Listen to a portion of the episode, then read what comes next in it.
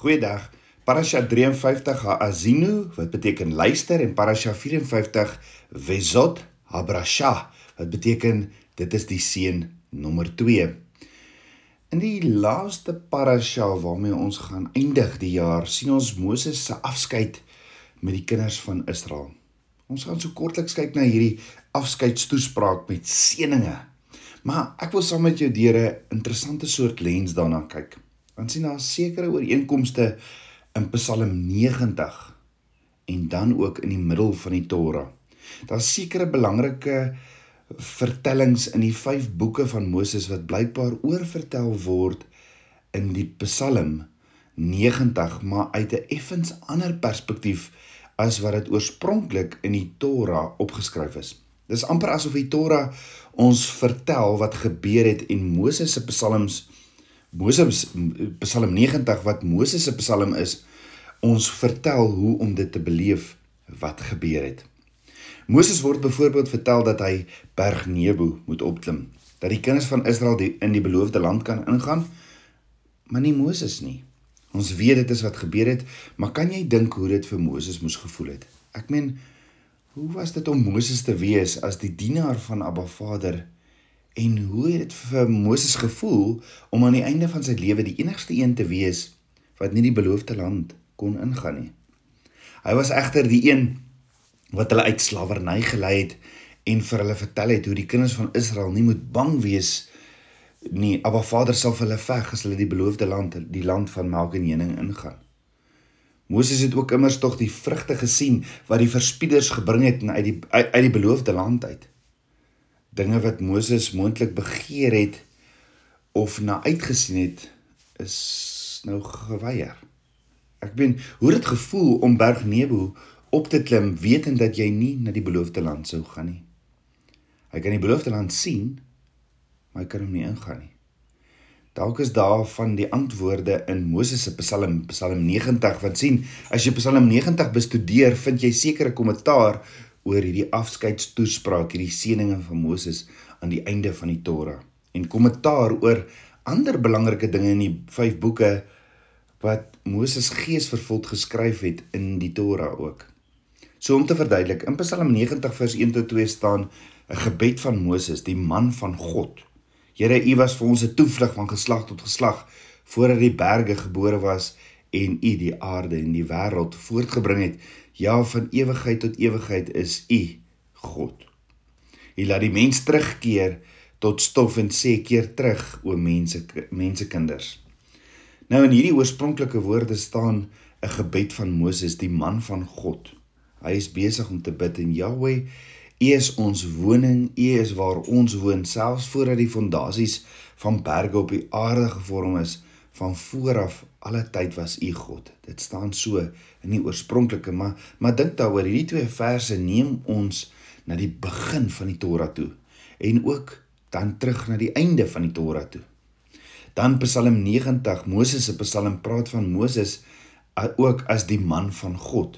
Ja, daar staan in Psalm 90 vers 1 'n gebed van Moses, die man van God. Wel Moses word net een keer in die hele 5 boeke van die Torah genoem die man van God. En dit is aan die einde van die Torah waar waar dit sê in Deuteronomium 33 vers 1 en dit is die seën waarmee Moses die man van God die kinders van Israel geseën het voor sy dood. Hoe amazing is dit om genoem te word die man van God. Met ander woorde die Psalm van Moses verwys na die na die 5 boeke, die die Torah en daar's sekere parallelle wat vir ons uitwys en ons iets wat Abba Vader ons wil leer en ons iets wat ons in hierdie psalms kan sien. Psalm 90 vers 2 sê voordat die berge gebore was en U die aarde en die wêreld voortgebring het, ja van ewigheid tot ewigheid is U God. As ons kyk na na die parallelle dan sien ons terug in die week se gedeelte in in Deuteronomium 33 vers 2 en hy het gesê Jahweh het gekom van Sinai van Berg Sinai en vir hulle opgegaan van Seir af. Hy het die ligglans verskyn van die gebergte Paran en gekom van heilige 10000de af. Aan sy regterhand was vlammende vuur vir hulle. So daar word gepraat van die berge, net soos in Psalm 90, ook praat van soos wat Psalm 90 ook praat van die berge, maar dit is veel meer as net die berge want in Psalm 90 vers 2 praat van Abba Vader en sê van ewigheid tot ewigheid is U God. Die Hebreëse prentjie van ewigheid tot ewigheid is U God skets vir ons 'n prentjie van Abba Vader wat van oneindige tye af daar is. En dit is presies hoe die Torah begin het met Abba Vader wat nog altyd van ewigheid af daar was. Reg deur die Torah sien ons van geslag tot geslag e emen olam ad olam van ewigheid af was Abba Vader daar. Met ander woorde, alles in Psalm 90 is eintlik gebaseer op hierdie vyf boeke van Moses, die die Torah. Ehm um, dit begin by die Bereshit, die skepingsverhaal en ook aan die einde van die Torah. Maar let wel, Psalm 90 verwys nie net na die begin en die einde van die Torah nie, dit verwys ook na die middel van die Torah. Ja, na 'n belangrike episode wat plaasgevind het nadat die kinders van Israel uit Egipte uit is. Hier is die bewyse daarvan.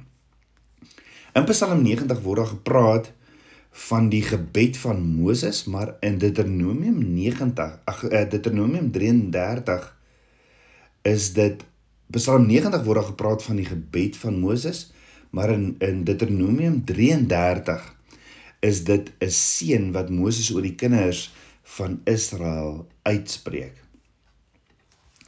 Maar as jy Deuteronomium 33 mooi lees, sien jy die seën is ook 'n soort gebed. En daarna gaan ons in diepte kyk hierdie seënspreuke wat uitgespreek word, hierdie profetiese woord, maar dit is ook 'n soort gebed.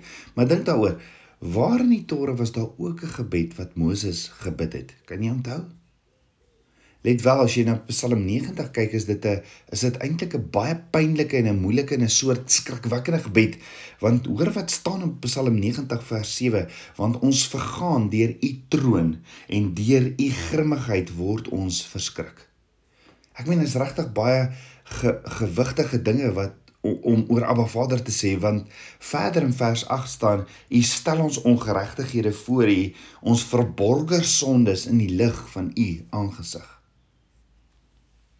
blyk ook nie 'n baie mooi ding wees om Rabba Vader te sê nie. Die tema van hierdie storielyn van Psalm 90 in werklikheid is 'n skrikwekkende tema. En die vraag is verwys hierdie nie dalk alles terug na 'n ander gebed van Moses elders anders in die Torah nie. Ja, dit doen. Dit verwys terug na 'n vroeër gebed van Moses in die Torah, toe Moses tot Abba Vader gebid het by die goue kalf insident. Dit was toe Abba Vader regtig baie kwaad was vir die kinders van Israel en Moses namens die kinders van Israel gebid of 'n intersessie gedoen het om hulle te probeer red. En die punt is dat Moses se Psalm 'n verhaal vertel, 'n verhaal wat met Moses se gebed by die goue kalf begin en eindig met Moses se seën oor hierdie kinders van Israel in Deuteronomium 33. Dit verbind soort van die twee episodes. So kom ons kyk gou-gou na die goue kalf episode. Die bewys dat Psalm 90 terugbeweeg na die episode toe, die goue kalf toe, kom uit ooreenkomste in die taalgebruik tussen Psalm 90 en die goue kalf, kalf gebed. Want as jy teruggaan na die e, na die na na die en jy vra, wat was die kern van Moses se gebed? Was dit toe Moses van Abba Vader gevra het om van plan te verander en om nie die kinders van Israel uit te delg of te verwyder nie? Ja in Eksodus 32 vers 11 staan: "Maar Moses het Jahweh sy God om genade gesmeek en gesê: "Waarom o Here sou u troon ontvlam teen die volk wat u met groote krag en met sterke hand uit Egipte uitgelei het?" Gaan lees jy hierdie hierdie gedeelte aandagtig en jy kyk na die oorspronklike woord sien jy twee belangrike werkwoorde, naamlik die eerste werkwoord is shuv Abba Vader wat omdraai wat terugkeer van sy woede. Die tweede werkwoord wat Abba Vader verander, eh, die tweede werkwoord is Abba Vader wat verander van mening oor die kinders oor die kwaad of boosheid wat hy oor die kinders van Israel uitgespreek het. As jy Psalm 90 lees, dit is presies dieselfde kombinasie van werkwoorde. Daar daar staan byvoorbeeld in Psalm 90 vers 13 keer terug Here tot hoe lank en ontferm u oor u knegte. Dink nogal eenders dink jy nie ook so nie? Dit wil regtig voorkom asof ons nie in Moses se Psalme 'n verduideliking kry van Moses se gebed by die goue eh, asof ons ehm um, in Moses se uh, se Psalm 'n verduideliking kry van Moses se gebed by die goue kalf. So ter opsomming, dit wil voorkom asof Moses se Psalm Psalm 90 ons op een of ander manier terugneem na twee verskillende plekke toe, naamlik die einde van die Torah aan die een kant en na die episode van die goue kalf aan die ander kant. En die punt is Moses se Psalm verbind hierdie twee episodes. So kom ons gaan kyk gou terug na die oomblikke net voordat Moses namens die mense in die goue kalf episode gebid het tot Abba Vader. Wat het daar gebeur? Ons weet die kinders van Israel het die goue kalf aanbid. Moses Moses was was bo op die berg en Abba Vader sê vir hom gaan af alles het verander. Oorgegee die woorde in Eksodus 32 vers 7 tot 19 staan. Toe sê Jahweh vir Moses: "Gaan heen, klim af, want jou volk wat jy uit Egipte land laat optrek het, het verderflik gehandel en hulle het gou van die weg afgewyk wat ek hulle beveel het.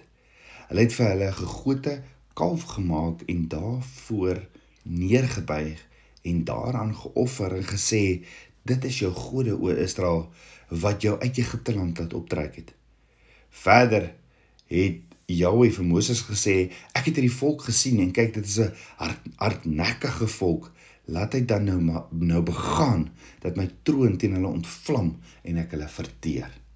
Dan sal ek jou tot 'n dan hoor wat sê Vader verder dan sal ek jou Moses tot 'n groot nasie maak. Met ander woorde, Abba Vader stel voor om die kinders van Israel te vernietig en weer alles met net Moses te begin en om slegs Moses en sy onmiddellike gesin in die beloofde land in te bring. Soos ons aan Moses dink, dink ons aan wat hy met sy gebed bereik het, die die redding van die kinders van Israel, dat Abba Vader nie almal vernietig het nie, maar Moses het ook iets anders bereik.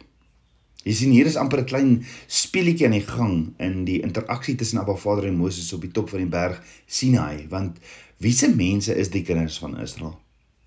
Onthou as jy nie vir Abba Vader luister nie, as jy nie saam met hom in verbond wandel nie, stap jy mos weg van Abba Vader af. Dan is dit die bewys dat jy nie syne wil wees nie. So hoor gegaan, waar Vader sê vir Moses op Berg Sinai, gaan af na jou volk toe Moses, want jou volk het hulle self baie skade berokken. So Abba Vader praat vir Moses se volk en nie van sy volk nie. Met ander woorde, hulle is nie my mense nie Moses, hulle is jou mense. En dan die ding wat Moses telkens in sy gebed sal probeer doen is om Abba Vader te oortuig dat dit nie waar is nie so ontevrede soos Abba Vader is, so kwaad soos wat Abba Vader is, op die ou end is dit eintlik nie Moses se volk nie, maar Abba Vader se kinders.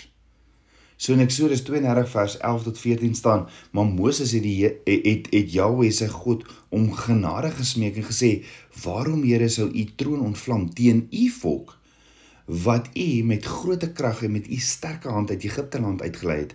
Waarom sou die Egiptenaars spreek en sê in kwaadwilligheid het hy hulle uitgelei om hulle in die berge om te bring en hulle van die aardbodem af te vernietig? Wend u af van die gloed van u troon en laat dit u berou oor die onhou van u volk.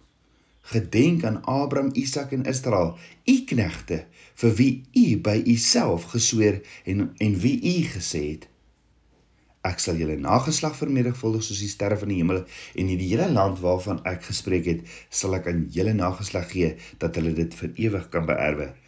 Toe het dit Jahweh berou oor die onheil wat hy gesê het dat hy sy sy volk sou aandoen.